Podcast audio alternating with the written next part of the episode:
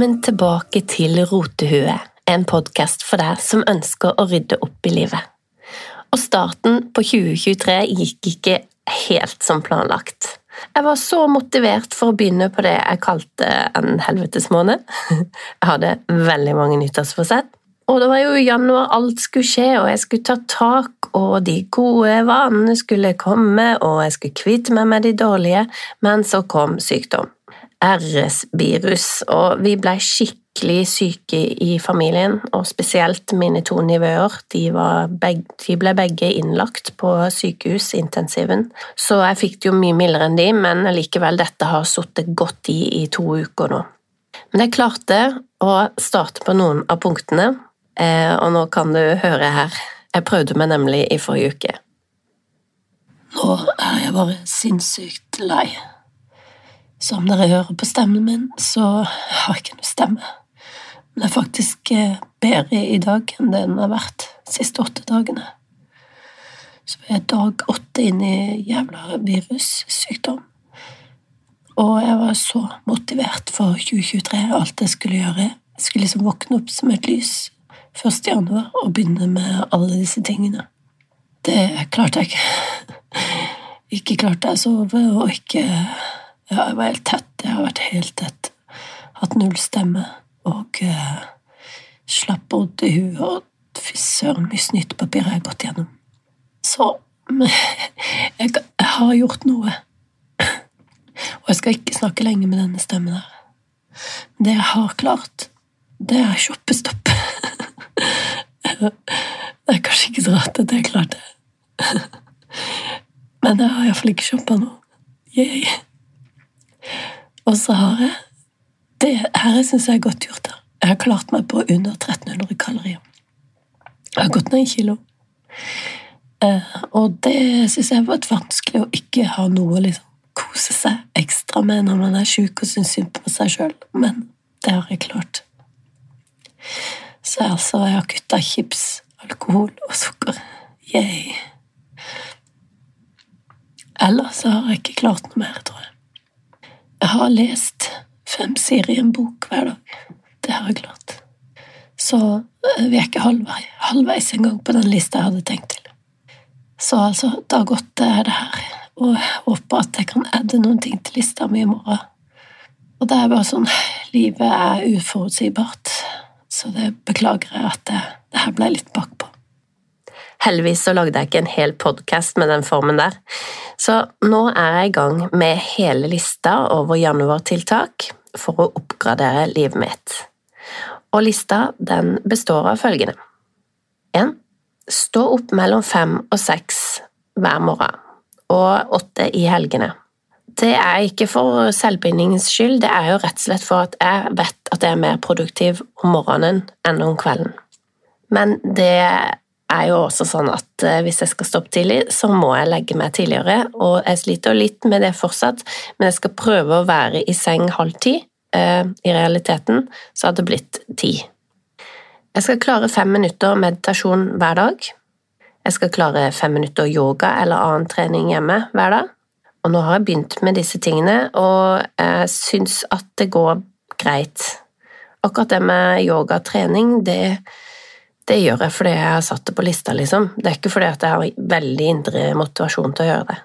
Så skal jeg lese minst fem sider i en bok hver dag. Det går veldig bra. Jeg fikk jo en ny bok til jul. Gå 20 minutter hver dag. Det er også en ting jeg gjør fordi det står på lista, og jeg vet det er bra for meg, men det er ikke noe jeg nødvendigvis eh, har lyst til å gjøre til enhver tid. men det er godt når du først kommer deg ut, altså. Så skal jeg spise under 1300 kalorier hver dag. Jeg har meldt meg inn i vektklubb, og det går faktisk veldig bra. Jeg har jo også kutta chips, alkohol og sukker. Det er jo det jeg syns er godt å kjeske på uansett, så da er det jo Da går det fint å spise under 1300 kalorier.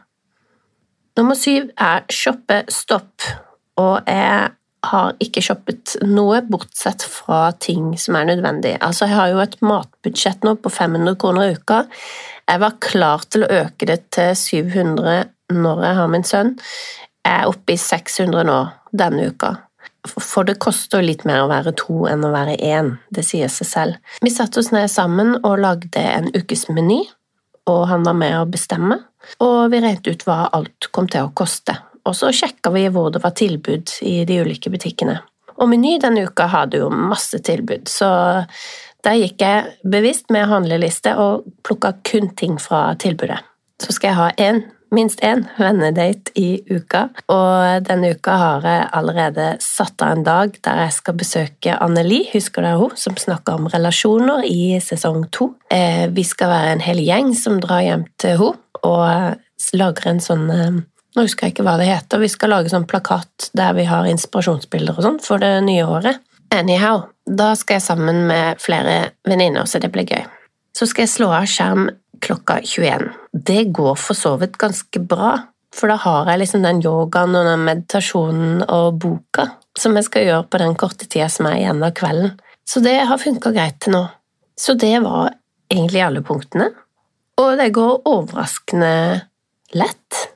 Jeg trodde det skulle bli sånn helvetesmåned. Nå har jeg jo begynt seint, så jeg har jo så vidt begynt på det her, det skal sies. Eh, men eh, jeg syns det er helt overkommelig. Det blir en rutine på ting.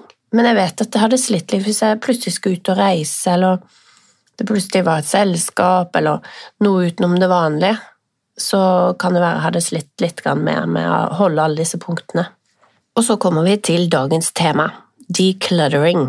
Og jeg finner ikke et like bra ord på norsk, men det handler jo om å kvitte seg med ting som man ikke trenger, som ikke gir meg glede eller noe nytte.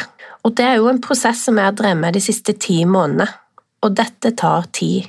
Og det krever at man tar flere runder på samme sted. Det holder ikke at du tok badet i mars, du må gå gjennom badet på nytt. For du klarer ikke å kvitte deg med alt første gangen, iallfall da er du god hvis du klarer det. Jeg må gå flere runder med meg sjøl og hver gang klarer jeg å kvitte meg med noe. Til jul i år så tok jeg ut all pynten jeg hadde på loftet.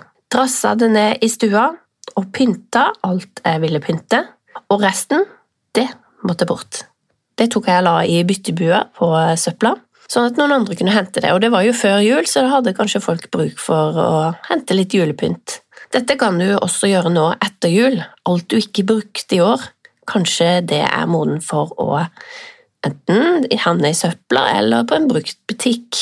Tviler på bruktbutikken egentlig har lyst på julepynt akkurat nå, men det går an å legge eksempel i byttebua, da, eller spørre om noen andre vil ha det. Det er mange sperrer som dukker opp når man skal declutter. Det folk ofte tenker er hva om jeg får bruk for dette seinere? Eller jeg kan jo ikke kvitte meg med denne, den var jo så dyr, jeg brukte masse penger på det. Eller den her fikk jeg jo i gave, og det er jo ikke greit å kaste gaver, men jo, det er det. Det er det samme som å spare på en altfor liten kjole bare fordi den var dyr. Kanskje du var veldig fin i den, og kanskje du tenker ja, men den passer kanskje om et år jeg har gått ned litt i vekt. Eller kanskje du har noen gode minner om akkurat den kjolen, men det er ikke en kjole du bruker lenger. La oss si brudekjole, da, eller en 40-årsdag ballkjole, eller ja, jeg vet ikke. Det er masse følelsesmessige sperrer inni en som hindrer en fra å kaste og kvitte seg med ting, og det er viktig å være klar over. En mellomting kan være å legge ting som du er usikker på i en kasse, og legge det vekk et halvt år, og hvis du ikke har savna det, så er det kanskje modent for å forlate hjemmet ditt. Jeg har gjort det med klær, eh, for jeg har vanvittig mengder med klær, og jeg hadde uhorvelige mengder med klær. Så noen av de klær som jeg syns har vært vanskelig å kvitte seg med, som jeg egentlig bruker og sånn, men jeg har ikke lyst til å ha det i skapet nå, for jeg har jo hatt en kapselgarderobe. Eh, de har jeg lagt i to esker, gjennomsiktige esker. Og så når jeg får sånn shoppingbehov, så kan jeg gå gjennom de eskene og så shoppe litt hos meg selv, rett og slett. Så bytter de tre T-skjortene der ut med tre T-skjorter som lå i kassa. Noen av de tingene som jeg syns har vært vanskeligst å kaste, det er bøker, og notatbøker faktisk, som jeg har brukt når jeg har studert. Og det er jo mye minner der, og det er mye arbeid som er lagt ned i det, og jeg syns det var veldig gøy å studere.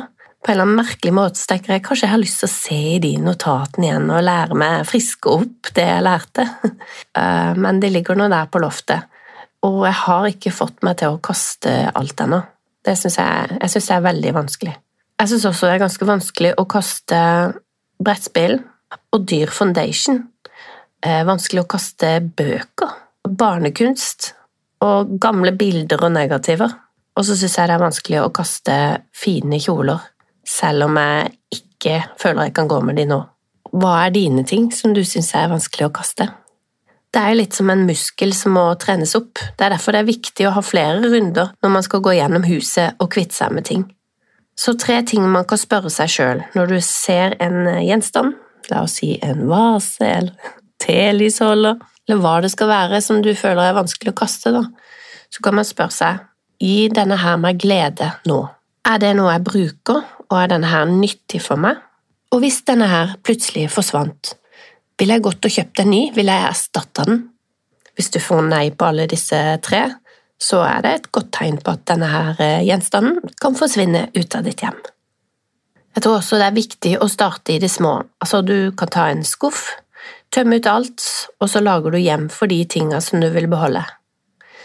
Men det sier seg sjøl at det er lettere å legge ting på plass når man har holdt på en stund, for da har det meste et hjem. Så i starten når jeg begynte å ta en skuff, så hadde jo ingen av de tinga i den rotskuffen et hjem et annet sted, som oftest.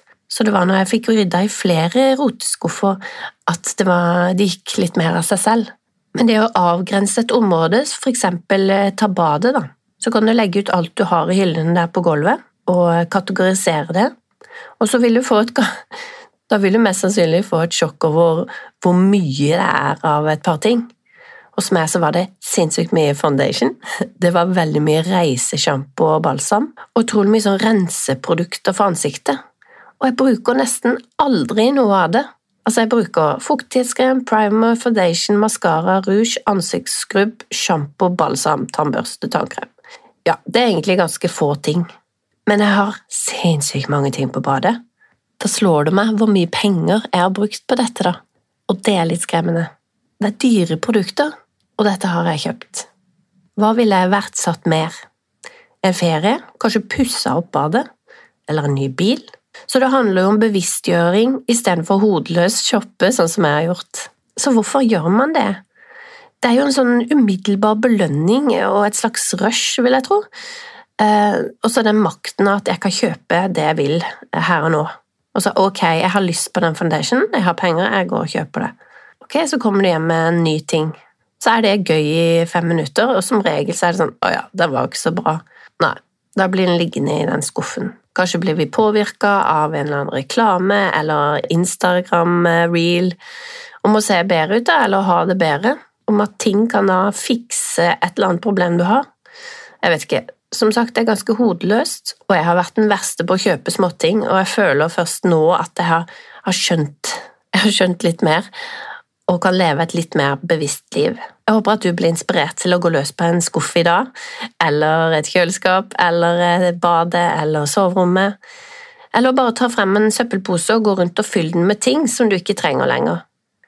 En måte som kanskje er lettere for noen, er la si at du tar ut alt det du har på badet, men istedenfor å kaste det du ikke vil ha, hva med å ta ut akkurat de tingene du bruker og elsker, og så setter du tilbake på plass i hyller og skaper?